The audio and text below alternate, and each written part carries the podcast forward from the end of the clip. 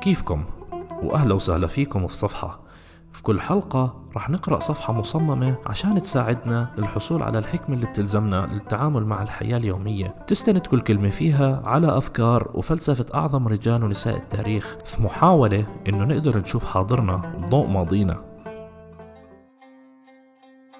قصة قديمة بتحكي عن واحد من حاشية الإمبراطور لما قرر من يوم من الأيام إنه يستخف بمهام ومسؤوليات الإمبراطور. فشو قرر الإمبراطور؟ إنه يوم من الأيام يبدلوا الأدوار. هو يقعد محل الإمبراطور والإمبراطور ينزل محله. قرر الإمبراطور إنه يعمل تعديل بسيط على العرش تبعه. إنه يربط فوق رأس هذا الزلمة سيف وهذا السيف يكون مربوط بشعره. بهدف إنه يوصل له فكرة المسؤوليات والمخاوف اللي بتحملها اللي قاعد على هذا العرش وإنه اللي قاعد على هذا العرش بمنصب تكليف وليس تشريف. وأصبحت تعرف هاي القصة بسيف داموكليس. هلأ ممكن نستغرب ليش عمل هيك الزلمة؟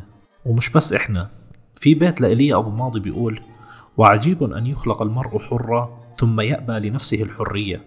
لأنه بالنهاية لما نفكر فيها كم مرة حطينا على حالنا أشياء بتقيد حريتنا وهي أصلا إحنا بغنى عنها.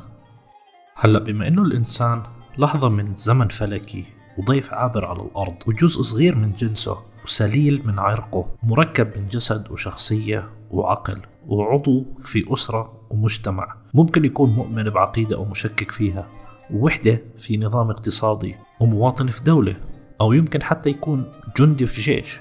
الفكرة إحنا انولدنا وفوق راسنا هاي السيوف بحكم إنه إحنا خاضعين لجسد ونفس وعادات وتقاليد مجموعاتنا. فعشان هيك إحنا مش متكافئين لا بالصحة ولا القوة ولا القدرات العقلية ولا حتى صفاتنا الشخصية. وهذا الاختلاف بتحبه الطبيعة باعتباره مادة ضرورية للاختيار والتطور.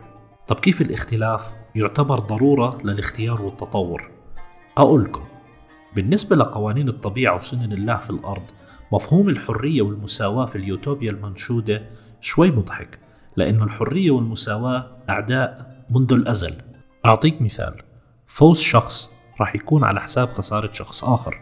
فبطبيعة الحال لو تركنا الناس أحرار راح تبين هاي التفاوتات والاختلافات الطبيعية بيناتنا بحكم العوامل اللي ذكرناها ببداية الحلقة. هلأ بما إنه إحنا بنحب الحرية فعشان هيك حرية الأفراد في المجتمع تتطلب تنظيم شوية سلوكيات. أولها يكون وضع قيود على مفهوم الحرية لأنه تخيلوا معي لو تركناها حرية مطلقة راح تموت في حالة من الفوضى. فالسؤال هلأ بتتخيلوا أعطينا حالنا حرية أكبر من استيعابنا؟ طب لو كانت الحرية إشي منيح كيف ممكن يكون إنسان حر ومش مبسوط؟ لأنه الإنسان اللي مش مبسوط اعرف إنه مش حر لكنه عبد لشيء معين. مثل ما بيقول نسيم طالب ما بتقدر تكون حر بشكل كامل بمجرد تجنبك لكونك عبد وتتجنب كمان إنك تكون سيد. وهاي العبرة اللي حاول يوصلها الإمبراطور لأحد رجال حاشيته. طب السؤال الأهم إمتى بنصير أحرار بشكل كامل؟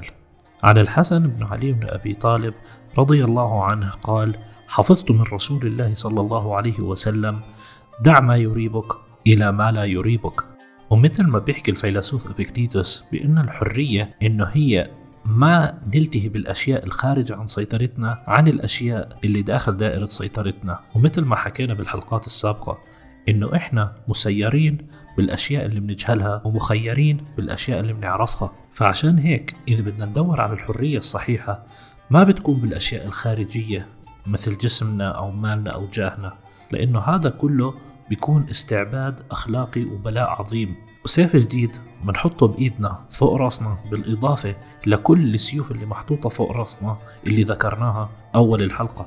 بدل من هيك منلاقيها جوا أنفسنا وبإشي مستقل كل الاستقلال وهو قدرتنا على الحكم والإرادة لأنه ما في أي إشي بيقدر ينال من حرية النفس. فمنقدر نبلغ الحرية مش بامتلاك كل إشي بدنا إياه لكن بإزالة الرغبة ذاتها فالحرية هي الغنى عن وليس الغنى ب.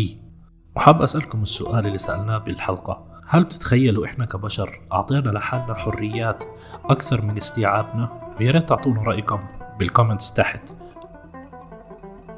وإذا أعجبتكم هاي الحلقة أتمنى منكم أنكم تشاركوها مع أصدقائكم.